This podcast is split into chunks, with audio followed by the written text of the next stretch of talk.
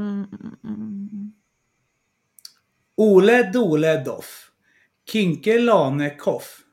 Ole Dole Men vad sysslar du med PO? Men eh, jag sitter ju på kristen dejt och spanar på frikyrkotjejer. Aha. Tycker du det går bra eller? Ja, alltså... Jag blir som ett barn i en godisbutik. Det står att de älskar Jesus på varenda profil. Och sen så tycker jag att det här med att söka livspartner känns lite knepigt. All things considered. Ja men du, alltså då har jag värsta överraskningen till dig idag. Oj! Har Gunther monterat klart sin ägggrill och beslutat sig för att återvända? Ja men nej PO din mupp! Alltså jag har någonting mycket mera glorious. Okej. PO, sit back, relax and let the magic happen.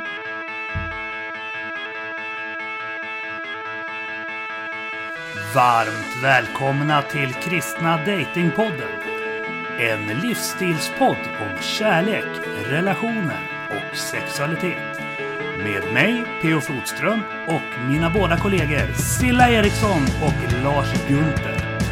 Podden presenteras i samarbete med kristendate.se. Välkomna till Kristna Datingpodden! Vi var nästan synkade PO. ja, det var det närmaste vi kom synkning hittills i alla fall. Men Silla, hur är läget? Jo men det är bra tack! Solen skiner här i Stockholm och jag har precis här suttit förstår du och lyssnat på Hanif Balis podd och den är så bra! PO, alltså Hanif Bali, han är verkligen Sveriges bästa politiker. Och Sveriges snyggaste politiker också faktiskt.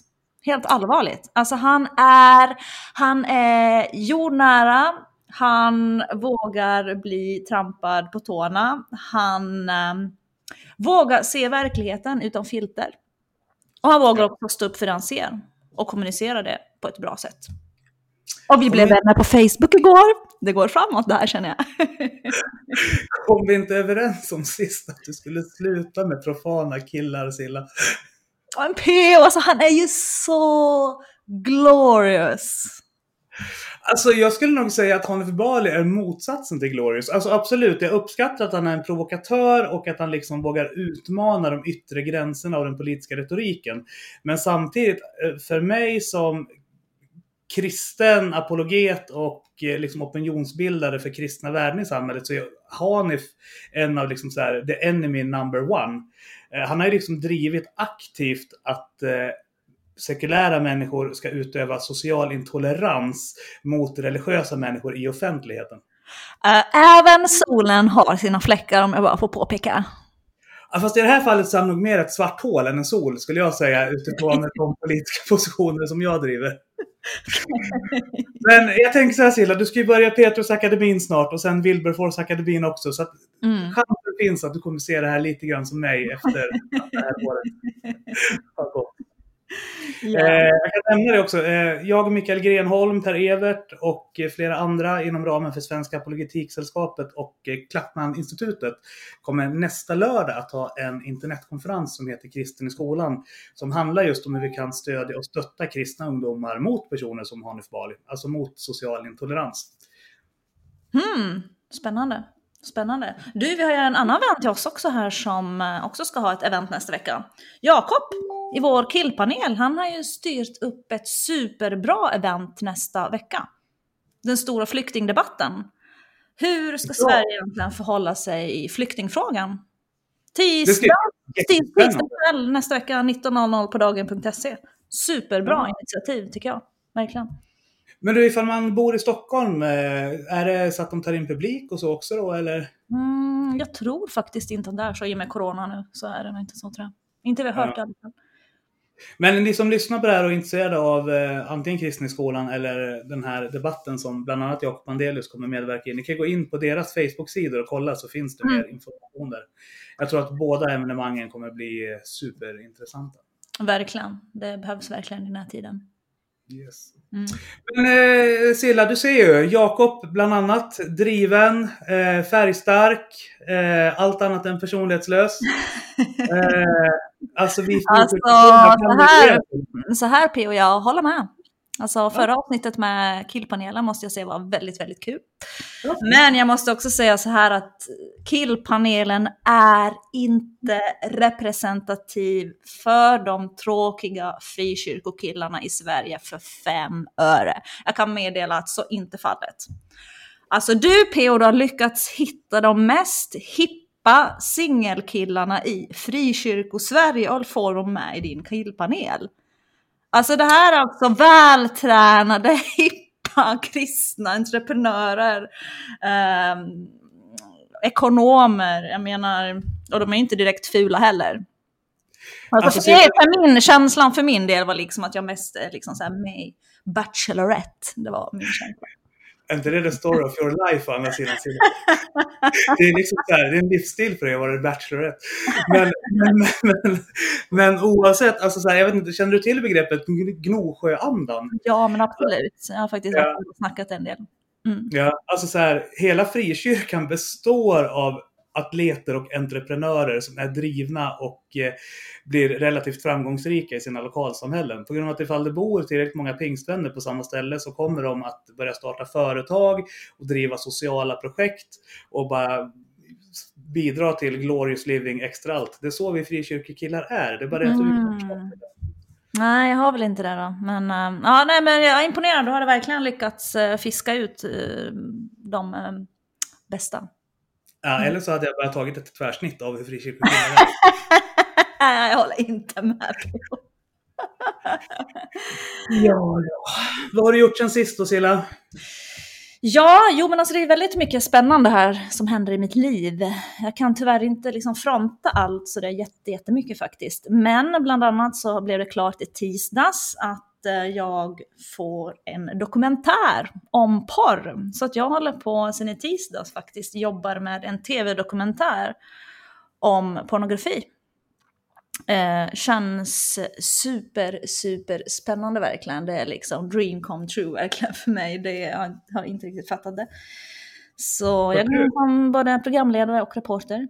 Mm. Ja, vad härligt. Känns, ja, det känns helt glorious faktiskt. Så det, Ja, det vi ska ha klart den om sex veckor. Så att det blir mycket Ja. här nu framöver. Sen så är det faktiskt en till tv-grej som ehm, jag har fått förfrågan om som jag skrev på faktiskt igår. Och den här grejen är superhemlig så att den får jag inte alls avslöja någonting kring. Men det är lite mer runt mitt privatliv kan man väl säga. Så, Mhm. Så det kommer här framöver. Så det är väl bra. Eriksson, Miss Secret Agent. ja, nej, men det, känns, det känns fantastiskt, verkligen. Det, det, det känns jätteroligt. Sen så håller jag och Elise Lindqvist, vi håller på skriver en, en artikel, en debattartikel tillsammans faktiskt, som handlar om porr också. Ja, Så vi ska ses nästa vecka och skriva klart den. Vad roligt. Ja, men så här, Ja. för ni, ni, ni hade ju sån fantastisk energi. Eh, Jag och Silla var ju hem till Elise för två veckor sedan. Och det var verkligen så här som att hänga med två Silla samtidigt. Och de triggade varandra dessutom. Så eh, Ja, men det är mitt mål.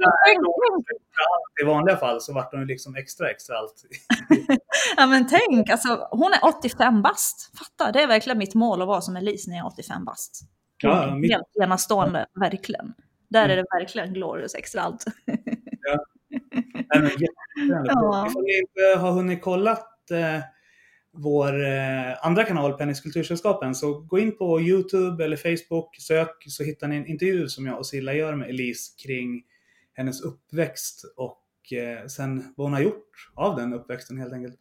Eh, det var ju mm, ganska jobbigt stundtals att eh, liksom ta emot hennes livsberättelse för den är väldigt eh, människor som skulle ha tagit hand om henne och liksom månat om hennes välmående torterade henne och utnyttjade henne. Och Mm. när de hade använt klart henne så liksom sparkade de ut henne för en trappa i princip.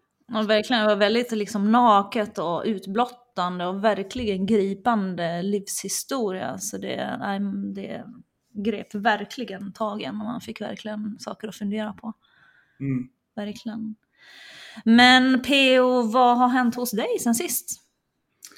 Ja, eh, livet är ju en rollercoaster. Eh, alltså där, det går upp och ner och det är inte alltid varit en lek eller dans på rosor. Så. Eh, En av eh, mina bästa vänner eh, tröttnade efter fem år av plågor för eh, i torsdags eh, och hoppade framför ett tåg. Eh, Oj, nej. eh, mycket de senaste dagarna har gått åt till att ja, men, här, samtala med anhöriga och med gemensamma vänner och sådär kring vad som har hänt, eh, varför det hände, eh, om någonting hade kunnat gjorts för att eh, undvika det och sådär. Mm, mm. Eh, och för mig blir det också så att eh, det blir att åt, många minnen växer till liv när man liksom Mm. eh, pratar med andra människor om en människa och man minns en människas liv så. Eh, och just den här kompisen, han, han var mer en kompis så. Från Mm. vi träffades så eh, fick vi en jättetajt relation. Eh, min Mm. mamma och morfar och hund hade precis dött. Så att han liksom såg den smärtan jag befann mig i och sen så sa han typ så här, jag eh, kommer göra mitt bästa för att eh, hjälpa dig genom det här mörkret. Så. Och det gjorde han. Så att han började liksom uppmärksamma Mm. när jag hade namnsdag eller fyllde år och liksom så här extremt eh, självutgivande och liksom kärleksfull person. Så Mm. Mm. när jag fick stopp i toaletten en gång, då var han Mm. där i någon av två timmar, stod och badade upp till fotknölarna i bajs för att lösa Mm. problemet. Mm. Eh, hjälpt mig och Annie jättemycket med att måla huset, fixa här. Alltså så här, alltså Mm. helt var fantastisk Mm. människa. Mm. Han var inte kristen ska vi säga. Han svor, han söp, han knullade, han hade ett allmänt ointresse för religiösa frågor överhuvudtaget.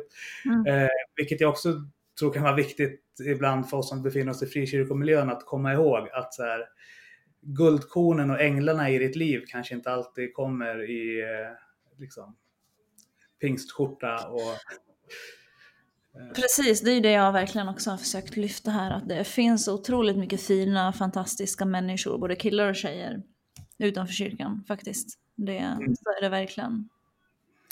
Ja, och sen så ringde en annan nära vän till oss båda. Eh, eller ja, inte till dig och mig, utan, utan till mig och han som dog och berättade att han hade cancer och sådär. Och att det inte, ja, det lät som att det kunde potentiellt vara ganska allvarligt även om man hade det under kontroll nu. Så, men, Ja, men shit P, alltså jag blir alldeles tårögd.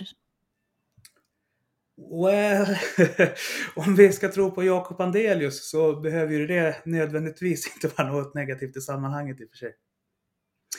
Men du, vet du vad? Nu ska vi inte ha ett sånt här tro, hopp och ångestavsnitt igen Silla.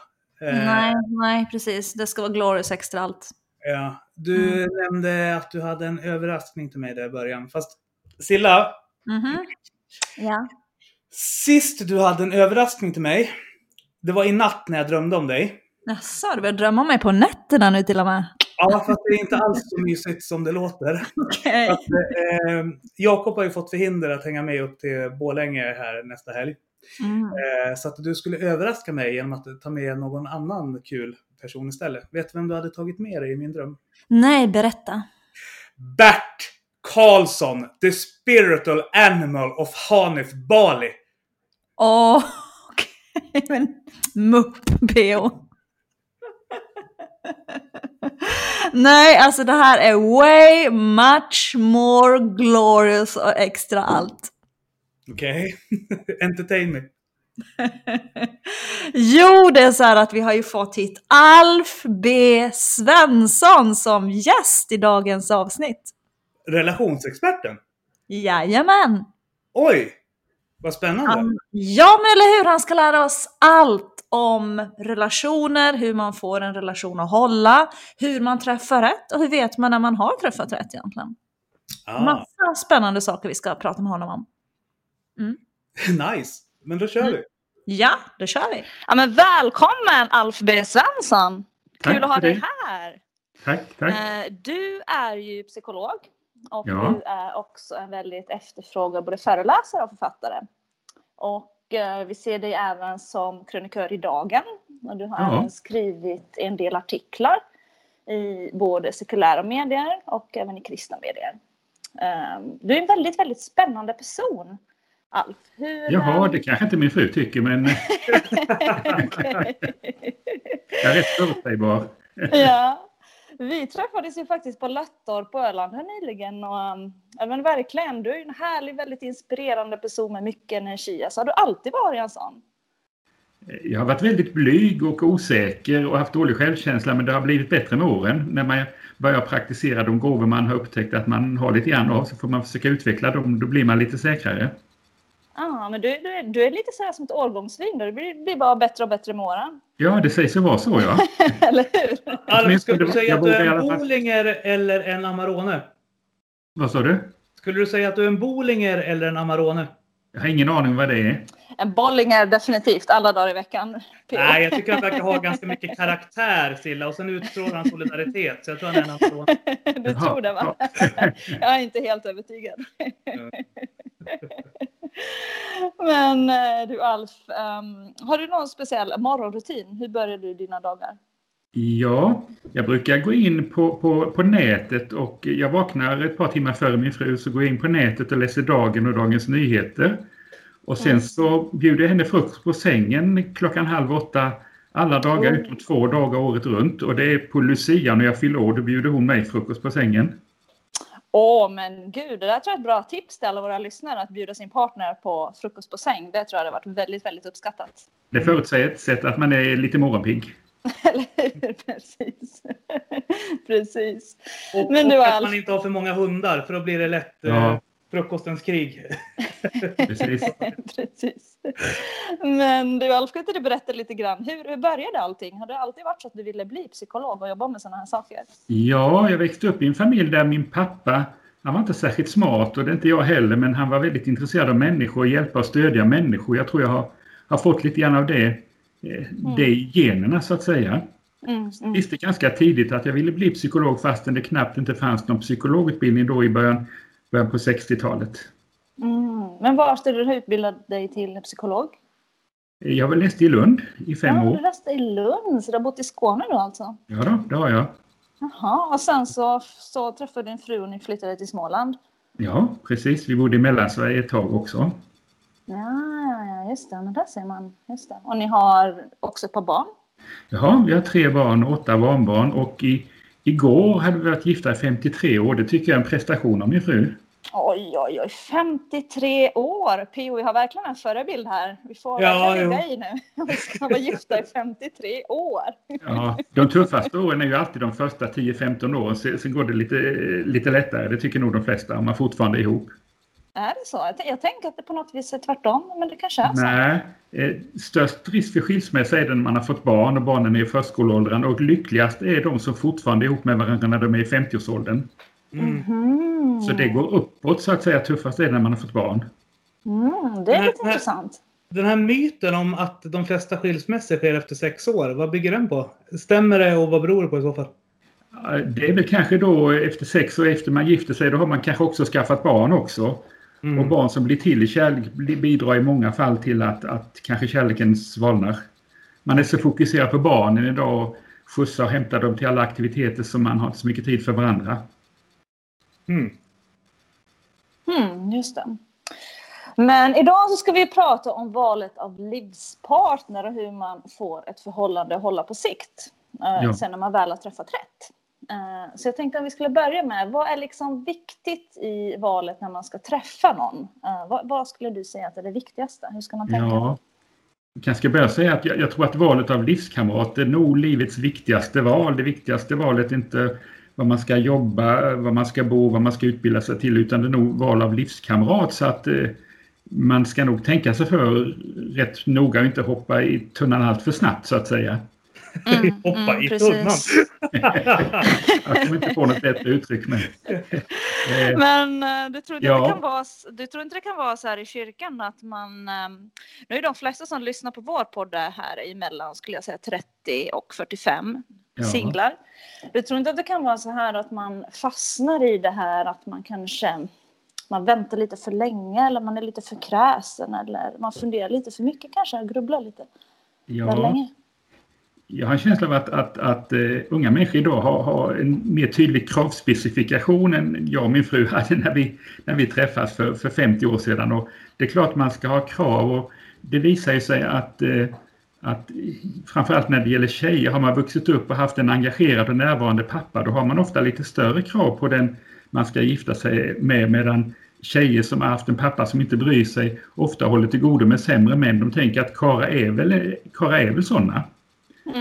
Och man ska vara kvalitetsmedveten men man får inte ha allt för höga krav. Man kanske får vara tacksam för om man nu har en lista på tio önskemål att den, den man träffar har ändå uppfyller 5, 6, 7, kanske inte alla 10, det är nog inte realistiskt. Mm, mm, En sån precis. lista har ju du Silla. Jag tror det var 13 punkter i och för sig. Ja, jag har en sån här tiopunktslista, absolut. Ja. Och jag vet i ett äktenskap är det ju så att kvinnan är mycket mer kvalitetsmedveten än mannen och jag vet inte om kvinnor har större krav på, på mannen än, mannen har på kvinnan. Mm. När man Ja, men det är lite intressant. Man kanske tittar lite på olika saker också tror jag, respektive om man är Ja, man eller ja. kvinna. Sådär. Ja, jag tror man ska inte generalisera för mycket men kvinnor överlag ställer nog lite större krav på personligheten. Medan män Mm, kanske mm. lite mer utseendefixerade även om man inte ska överdriva det. Mm, mm, precis. Men tror du att det är svårare att träffa någon idag än vad det var för typ 10-20 år sedan? Jag tänker också mycket på grund av att utbudet idag är så väldigt, väldigt stort i och med digitaliseringen och att man kan, ja men du vet alla datingappar med Tinder och allt det här. Det, Ja, är så det- lätt idag. Utbudet är så stort och det kanske finns någon som är ännu bättre. Precis. Eh, så att eh, jag vet inte om man är mer kräsen idag kanske då när det finns så stort utbud. Mm. Ja, men det är det jag tänker också, att man kanske fastnar i det här att man, man blir rädd för att binda sig för att runt hörnet så kanske det finns någonting som är ännu bättre än det man har. Det tror jag nog många kan hålla med om. Mm, mm, mm, precis. Men ehm, hur vet man sen då när man väl har träffat rätt? Ja. Hur ska man tänka där? Liksom? Ja. Man blir ju förälskad i utsidan men så kommer man nog mest att älska insidan så det gäller att kolla upp insidan lite grann. Mm, mm, mm. Och jag tror att det allra viktigaste det är nog att man har något sådana gemensamma värderingar hur man ska leva livet. Mm, mm. Det är någon som vill festa och hålla igång och, och den andra vill bo på landet, odla morötter och leva ett enkelt stillsamt liv så är chansen kanske inte så stor att det, att det funkar. Och tittar man på vad som är en vanlig orsak till att, att förhållande spricker så är det ju konflikter. Och konflikter beror ju ofta på att man tycker och vill olika saker. Och jag tror det är viktigt att man är något sån överens om ja, hur man vill leva livet. Eh, kanske också om man tittar på vad folk grälar mest om så är det ju pengar, barnen och arbetsfördelningen. Så jag tror att man ska resonera Mm.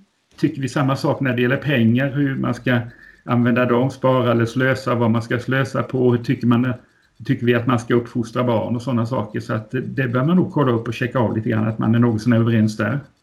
Mm, mm, precis. precis. Sen är ju att man har vissa gemensamma intressen. Man måste ju Mm. inte tycka lika om allt, men man vet ju att ett sätt som håller kärleken levande är att man har roligt tillsammans. Man kan Mm. bli bra för sig också, men jag tror att det är viktigt att man ändå kan mötas på vissa punkter och skratta och ha roligt tillsammans. Ja men verkligen, jag tror liksom, tänk, så tänker jag för egen del också, att livsstilen är ju ändå ganska viktig. Har man inte någorlunda samma livsstil så tror jag också att det blir ganska mycket slitningar Ja. i en relation faktiskt.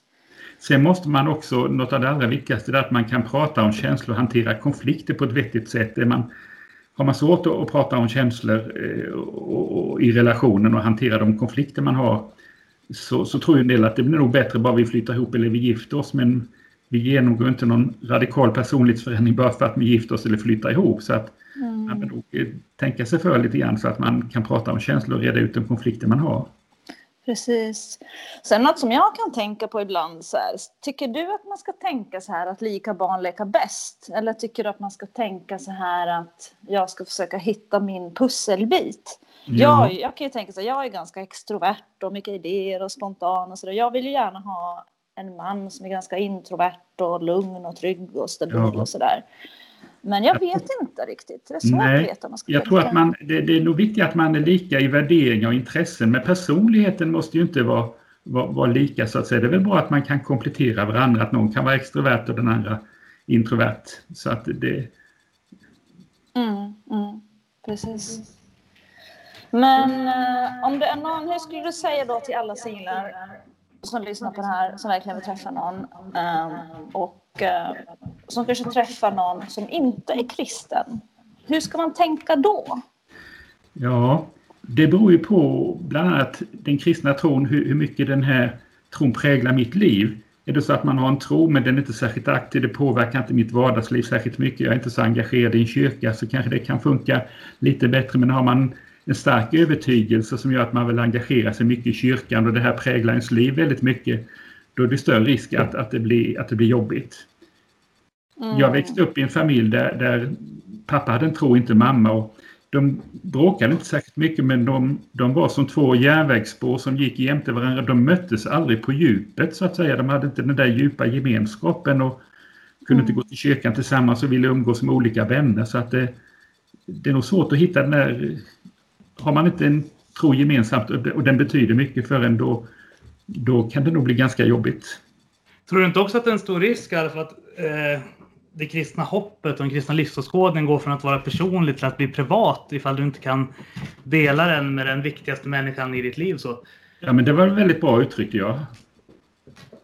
Eh, man vill ju kunna dela det med och uppleva Gud tillsammans och dela andliga erfarenheter och kanske be tillsammans.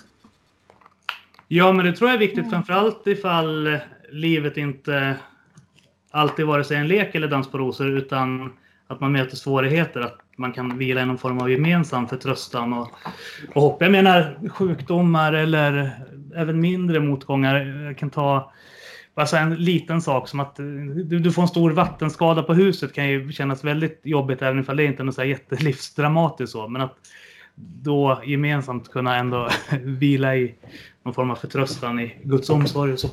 Ja, precis, precis. Mm. Eh, har du någon erfarenhet av att eh, liksom så här, coachat och väglett par som eh, haft olika livsåskådningar så, och problem som är specifika för den kategorin? Kanske mer att de har haft olika värderingar och svårt att prata med varandra. Där har jag haft en hel del samtal, men inte särskilt många, eller någon som jag kommer på direkt, där den ena har en tro men inte den andra. För jag tänker det borde ju vara väldigt vanligt i Sverige idag med tanke på att vad är det, 95 procent av Sveriges befolkning inte är kristna. Så jag känner ju ja. för egen del i alla fall att chansen att jag kommer träffa någon som är kristen kan just nu för mig på något vis kännas minimal. Åk till Nyhemsilla har jag sagt. Eller Torp. Du, jo, men är väl på torp varje år, P.O. Okej. Okay. Gullbranna då? Någon söt... ja, nej, men alltså, som sagt, jag har ju haft det perfekta jobbet för att kunna träffa någon. Jag har varit ute på jättemycket olika events och mm. festivaler och konferenser och allt möjligt och sådär. Men finns de inte där eller är du för kräsen? Nej, men alltså, jag tror att det är svårt. Jag, jag, jag, nej, men det är så här, Alf, förstår du. Jag är 35. Jag är 35. Det finns ja, 20-åringar. Det finns 20-åringar. Alf, då har man krav. nej, jag är inte medelålders, jag är ungvuxen. Mm, nej, men alltså det är så här, det, finns 20-åringar och det finns frånskilda 45-åringar ja. med barn. Ja. Um, så det är väldigt svårt i min ålder. Jag kan tänka mig det. Faktiskt, det finns inte så himla många. Nej. Så man får nästan gå utanför kyrkan.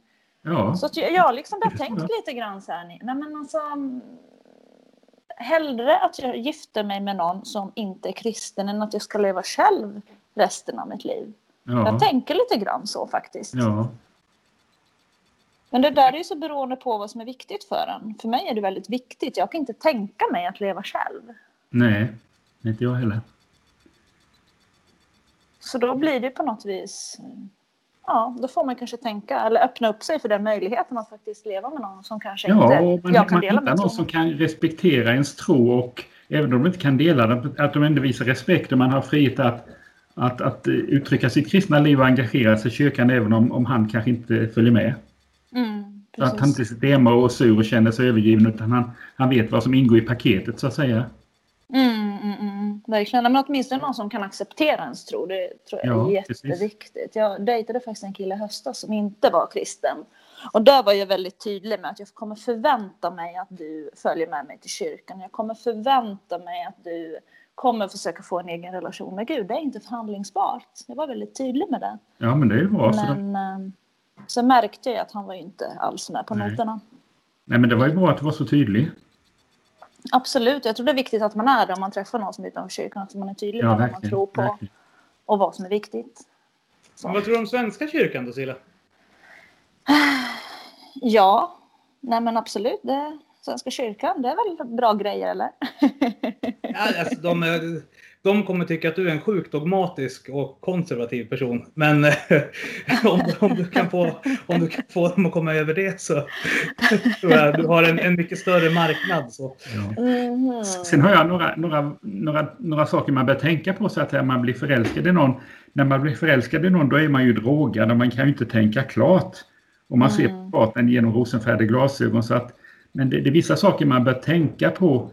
Är man, dejtar man någon som har haft en väldigt trasslig uppväxt så, så kan det bli kanske jobbigare än man tror. Även om man tror att kärleken kan förändra allt. Man kanske ska vara, tänka sig för om man träffar någon som har blivit väldigt curlad som barn. För jag har träffat en hel del eh, 30-40-åringar eh, som har blivit curlad och det är inte lätt att leva med en som har blivit curlad och alltid fått stå i centrum och alltid fått sin vilja fram. Mm. Sen ska man ju vara väldigt försiktig med de här lite med narcissistiska personlighetsstörningar, lite psykopatiska drag som är så charmerande i början och överöser en med komplimanger och presenter och för att sedan övergå till att kontrollera en så småningom. Så att man ska tänka sig för och kanske kolla med sina vänner eller föräldrarna. Vad tycker ni om honom eller henne? För att ibland kan vännerna se saker som man inte själv ser när man är förälskad. Mm, ja, men verkligen. verkligen. Men Alltså, det jag finns, har hört finns det nå- några jag flagg, har- varningsflaggor som man kan hålla utkik efter? När det kommer till det. Alltså just du pratar om narcissistiska drag och sociopatiska drag. Ja, de är så väldigt översvallande i början och man, man, han kanske lyfter upp kvinnan på, på sätter honom på en guldtron och ofta är de rätt snabba med att man ska gifta sig eller flytta ihop väldigt snabbt också. Eh, sen är ju varningssignaler det när du börjar lite, lite kontrollerande och svartsjuka och eh, vill att bara de två ska umgås. Så att kvinnan ska, ska avsluta kontakten med sina väninnor och familj och sådär. Då, då bör man verkligen dra sig tillbaka. Det är sådana här varningssignaler. Mm. Men jag har hört att är det mellan 5 och 10 procent av Sveriges befolkning som faktiskt är psykopater. Är det verkligen så många? Ja, jag vet inte. De finns ju i alla fall. Ja, finns precis. i alla fall. Sen är det ju inte antingen eller. Man kan ha mer eller mindre av de där dragen. Men visst är det ett antal procent som har, har sådana drag. Mm, mm, mm. Nej, och det kan ju vara lite läskigt. Man vet ju liksom aldrig när man träffar en annan människa. Vem Nej. det är man träffar egentligen. Så man får ju verkligen investera tid i en relation och verkligen, tycker jag. Ja, det visar ju sig också att, att de som gifter sig eller flyttar ihop väldigt snabbt, det är mycket större risk att det spricker än, än när man tar sig tid och, och lär känna den här personen innan man satsar helhjärtat. Jag som jobbar med rekrytering eh, har ju lärt mig att eh, du alltid ska ha en provanställning på minst sex månader på grund av att eh, en narcissist eller en psykopat får du in den i arbetsgruppen så kan den så här, bara totalförstöra din verksamhet. Ja, Och eh, den kan inte oftast upprätthålla masken längre än sex månader. Så efter sex månader kommer du veta ifall det är en frisk medarbetare eller ifall Ja. det är medarbetare med de här dragen som Ja, vi pratar om precis. även här. ja, Ja, så borde man ju tänka när man träffar någon också. Att ha en ja sån period. definitivt. definitivt. För det, ja. Yes. Men jag tänkte på en grej. Alf och Silla, ni pratade om just det här med att eh, hitta någon som kompletterar en. Ja. Och eh, vi har ju fått in en fantastisk låt av vår vän Elin Gårdestig som heter Plus och minus. Som handlar om just hur hon och hennes man Anders kompletterar varandra. Så jag tänkte vi ska ta och lyssna på den och sen komma tillbaka för att prata lite grann om vad Alf kan ge dig och mig för råd eh, kring hur vi ska hitta den rätte framöver. Men först alltså Elin Gårdestig med låten Plus och minus.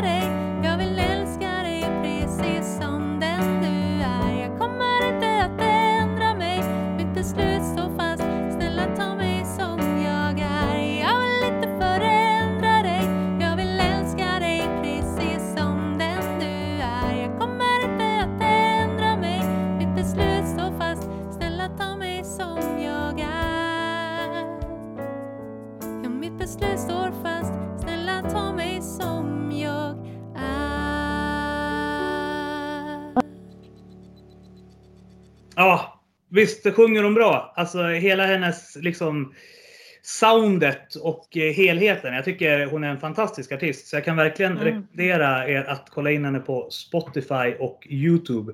Vi har även fått tillstånd av henne att i lite kommande avsnitt spela hennes två monsterhits Smulor av samma bröd och Del av Guds familj. Så att eh, vi får väl se det här som en liten teaser. Eh, och sen får vi höra mer av Elin i framtida avsnitt. Men Mm. nu tillbaka till samtalet då Alf. Eh, jag är singel. Silla är singel. Silla kanske lite mer desperat singel än mig. Jag vet inte. Men... Äh, PO är det här med desperat singel. Det, mm. ja, jag får säga, du har ju varit gift. Du har varit gift PO. Du, du är inte ens redo att träffa någon än. Men eh, mm. jag är Alltså, lite mer redo. Så kan Den, den, kan man ju den kan jag ju kolla med Alf då. Hur vet man när man är redo att träffa någon igen efter att man har liksom gått igenom en uppslitande uppbrott? Så.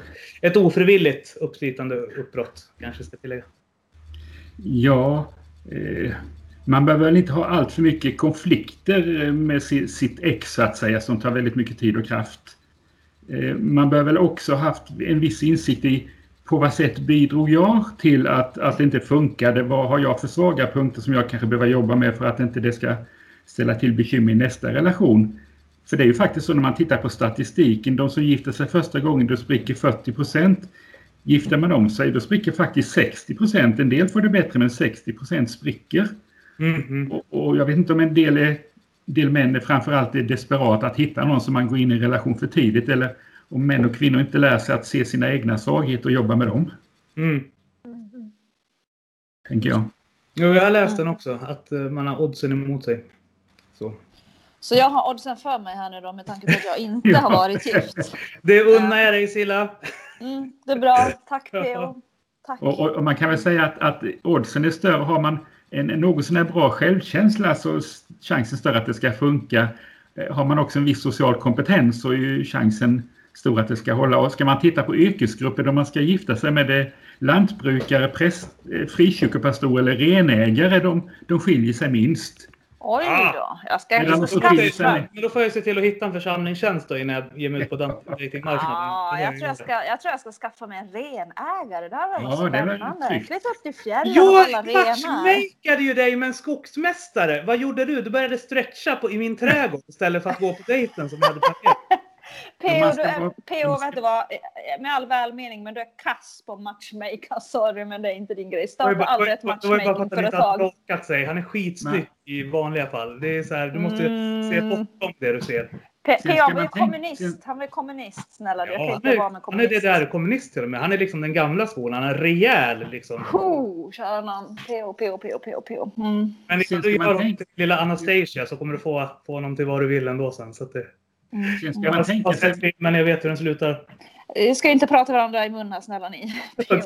Sen, sen vill jag bara säga att man ska tänka sig hur att gifta sig med psykolog och författare för de som skiljer sig allra mest. Oj. Ja. Men det är fru av allt. Hon, hon, hon tog en bra lott där då. Ja, men vi har fått jobba ganska mycket för att få det att funka. Mm, mm. En del tror att gifta sig med en psykolog, det måste vara idealiskt, bra på att lyssna och kan reda ut konflikter, men det, även om man kan rätt mycket i teorin så, så gäller det att kunna omsätta det i praktiken och det är inte givet att man kan det bara för att man har en psykologutbildning. Nej, men det är väl alltid sådär. Man, det är mycket lättare att hjälpa andra men att hjälpa sig själv. Det är alltid en Mycket, större mycket, utmaning. mycket. Mm, verkligen. verkligen. Men Alf, vad skulle du då vilja ge för råd till mig och PO och till alla andra som lyssnar, som är singel och som verkligen skulle vilja träffa någon och tycker att det är svårt det här med att träffa rätt? Finns det något så här bra tips eller råd som du skulle kunna ge till oss? Jag vet inte om jag kan ge något sånt där bra, bra råd. Man, klart man får ju dejta en del, inte ha allt för höga krav. Hittar man inte någon som man passar ihop med riktigt så kanske det är bättre att, vänta för att man kanske kan känna sig mer ensam i en relation som inte fungerar än som singel. Mm. Mm, det. Det är nog det enda råd jag kan ge sådär rent allmänt förutom det vi har sagt innan. Mm. Nej, men så känner jag väl jag också. Det är bättre att vara singel än att vara i en dålig relation faktiskt. Ja, det det givet. tror jag aldrig är särskilt bra faktiskt. Men um, mm, nej, det är ju en utmaning att träffa någon. Det är många som, många som har svårt, speciellt i vår ålder tror jag också sådär. Att det, är, det är en ganska svår svår, svår ålder att vara i på något vis. Sådär. Ja, det känns som att de flesta kvinna- träffas ju som yngre på något vis. Det är ju så. Ja. Är man kvinna så tickar den biologiska klockan när man vill ha barn så är snart, har snart tåget gått. Mm. Jo, men det är det. Det blir en annan press på kvinnor än på män kanske också. Ja, det blir det. Att man Det blir har det. barn. Absolut.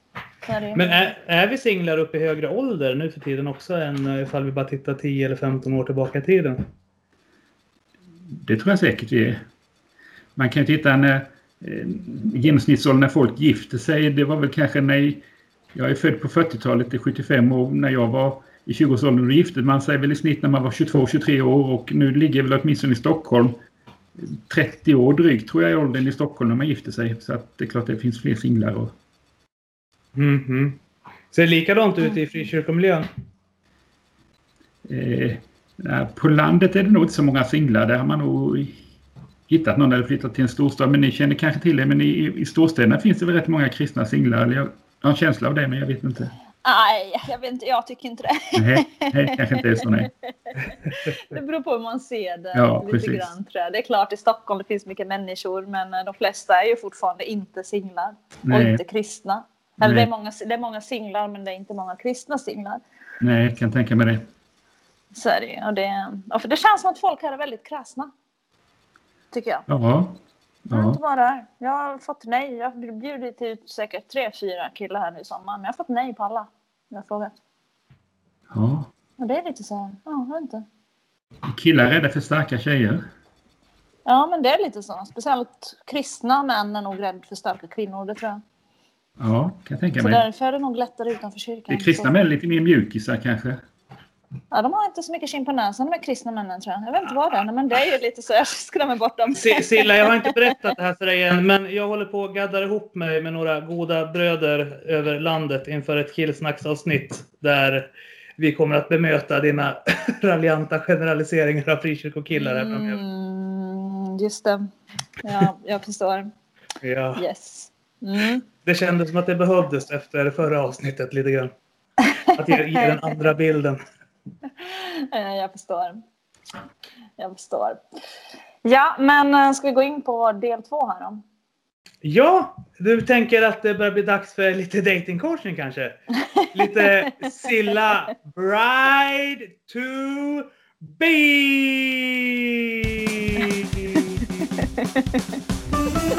Okej. Vad ska jag ha på mig? Vad ska vi bjuda gästerna på? Vart ska vi vara?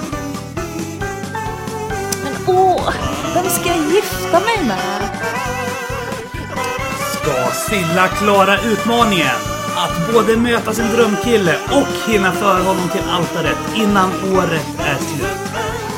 Följ utmaningen hashtag SillaBrightToBe 2020 i varje nytt avsnitt av Kristna Dating. Fast du Silla, det här var ju konstigt. För vi sa ju i förra avsnittet att vi skulle sluta med Silla Bright to Be. Hur kommer det sig att vi ska göra Silla Bright to Be nu i alla fall? Trots att sig du eller jag tycker att inslaget är kul längre. Ja, men det är så att det här var ju faktiskt förinspelat. Så det får vi säga till de som lyssnar. Det här avsnittet spelade ju vi in för det fyra veckor sedan tror jag. Ja, det var ett tag sedan. Ja, det var ett tag sedan. Så vi tänker att vi klipper in det här då som det absolut sista Silla Bride to be. Ehm, sen ska vi ju bli lite mer teologiska av oss, eller hur? Visst var det så? Ja, du har ju börjat Mm. plugga på Akademi för teologi och ledarskap. Ja, du kommer ju bli en sån här grå, trist teologmupp. det här ska bli riktigt glorious, P.O. Vi ska börja ha veckans bibelord där vi ska ta upp så riktigt uppmuntrande och liksom trosfyllda bibelord som riktigt är glorious och extra allt. Men det ser jag på riktigt fram emot. Jag tror att det kommer bli jättekul Silla, att bedriva Ja. bibelstudier med dig. Mm, absolut, jag tror vi kommer göra det väldigt, väldigt bra faktiskt. Det tror jag också. Ja. Men luta dig tillbaka då och eh, avnjut eh, det som egentligen inte är den sista Silla Bright to be, för den var den vi gjorde i förra avsnittet. Men så att allt det Silla säger i det här inslaget är alltså över en månad gammalt. Ja, precis. Så det är inte riktigt aktuellt. Hanif Bali är inte liksom med där. Så. Mm. So, sit back, relax and let the magic happen.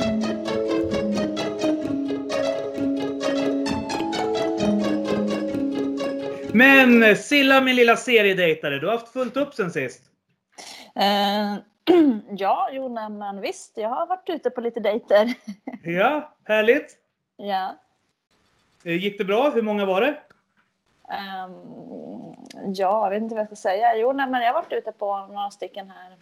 um, med ja, varierad framgång kan man väl säga. Ja. Men jag tänkte så här att eftersom du inte har något ring på ditt finger än eh, så känner jag att vi behöver ta in, ta in ett lite tyngre artilleri eh, för att säkerställa att du inte börjar dejta utanför frikyrkomiljön. Så att jag tänkte att jag lämnar över micken och scenen helt enkelt, enkelt till mannen, myten, legenden Alf B Svensson att få datingcoacha i det här programmet. Så Okej. Alf, scenen är din. Okej. Ja, ja, jag vet inte vad jag, vad jag ska säga mycket mer än det jag har sagt innan. Att man får ju kolla upp eh, insidan så att säga. Eh, Mm. Vad personen har för värderingar, intressen. Kan man prata om känslor? Kan man öppna sig? Verkar det vara en person som är egotrippad eller som kan eh, bry sig och visa empati? Eh, Mm. En person som är bra att lyssna, som inte bara, inte bara pratar om sig själv. Som visar Mm. respekt och intresse, inte bara intresserad av sig själv.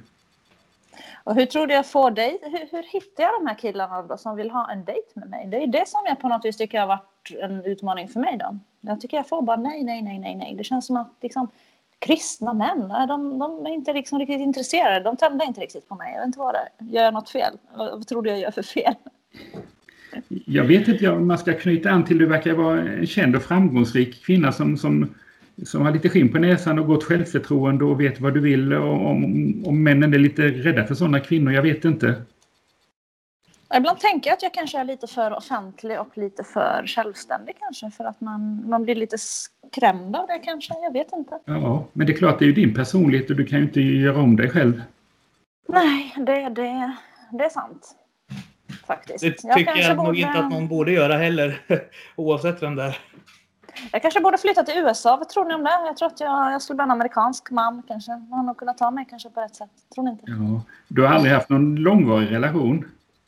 Jo, alltså innan jag blev kristen, absolut. Men inte sen jag blev kristen. Jag tycker att det har blivit så mycket svårare. Jag har aldrig haft problem med killar förut. Men ehm, nu när jag blev kristen här för 20 år sedan så blev det väldigt svårt. Ja. Är det just för att utbudet blir så mycket mindre? Utbudet blir mindre och man tycker också som tjej, man, eh, jag passar inte riktigt in i mallen för hur en frikyrkotjej ska vara. Det är väl därför som jag tänker Ja. att jag har svårare kanske. Jag kan tänka mig att det kan nog ligga en del i det. Mm. Men Alf, har du någon utmaning till mig då? I det här liksom hur jag ska träffa någon och något som jag liksom rent konkret skulle kunna göra för att komma lite närmare mitt mål att träffa någon? Det, det är klart att eh, man kan bli lite besviken då när du har haft lite dejter. Det har aldrig stämt, det har aldrig funkat. Men eh, vill du ändå ha honom får du väl ändå fortsätta och dejta men inte ha överdrivet stora förhoppningar att du snabbt ska hitta någon men att ändå försöka fortsätta. Mm. Tycker du, jag har väl laddat ner Tinder här också. Tycker du att jag kan um, köra med Tinder lite grann? Och, fast då är det ju inte kristna killar med. Och det gillar inte P.O. Han vill ju att jag ska ha någon som är kristen. Ja. Jag, jag kan inte mycket om Tinder men det kanske är en vanföreställning att det, det, det handlar väldigt mycket om att hitta någon som man kan snabbt kan ha sex med men det kanske inte är så. Nej, så är det inte. Jag vet många av mina Nej. kristna vänner som har träffats på Tinder. Jaha, Mm. okej. Det, det fina med Tinder är ju ändå får man säga att det finns hela spek- spektrat av människor. Det är allt Ja, från visst. de här som bara vill ligga till de här som verkligen seriöst ut efter någon och gifta sig. Jaha.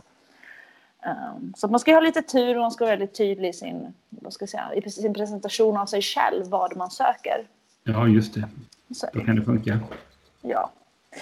Nej men eh, jag får väl helt enkelt fortsätta vara ute på dejter och Tindra och KDP lite men eh, ja, kristna, kristna, vad heter det?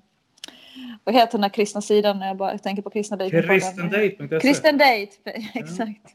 Den Men Silla, jag har en utmaning till dig. Jag, ty- jag, tycker, du ska, jag tycker du ska dejta i tv igen. Ska jag dejta ett nej, PO? Jo, men det gick ju skitbra senast. Eller Ja, det gjorde det ju verkligen inte. Ja, nu är, nu är gränsen nådd här. Nu tycker jag att vi säger hej då här. Yes, men det var veckans avsnitt av Silla Bride to be.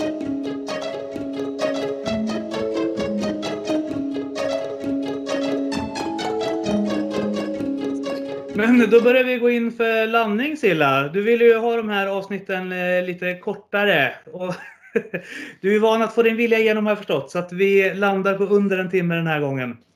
Oho, men det är jättebra, för då kan stockholmarna lyssna på den här podden när de eh, åker tunnelbana till jobbet, förstår du.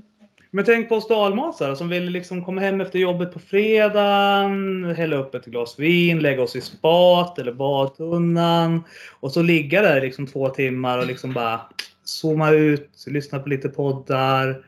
Second Opinion, Apologia-podden, Kristna Ja, men precis. Det låter, du har ju helt tillräckligt mycket poddar att lyssna på ändå, låter det som. Ja, det är sant i och för sig. Den där Precis. argumentet höll ju inte när man granskade det lite närmare. Nej, precis. Yes. Men Silla, känner du att vi har eh, fått veta allt, all, har Alf lärt oss allt vi behöver veta nu för att kunna gå ut i livet som två framgångsrika kristna medelålders singlar?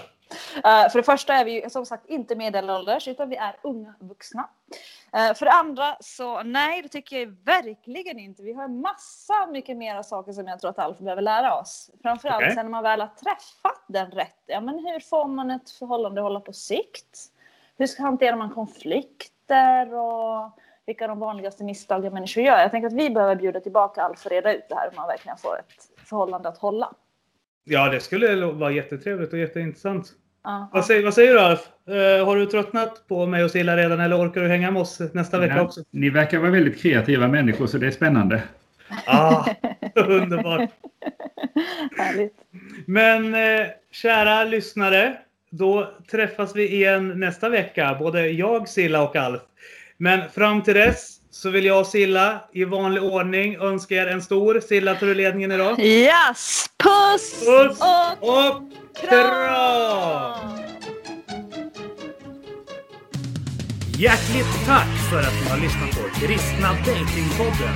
En livsstilspodd med Theo Flodström, Cela Eriksson och Lars Gunther. I samarbete med kristendate.se.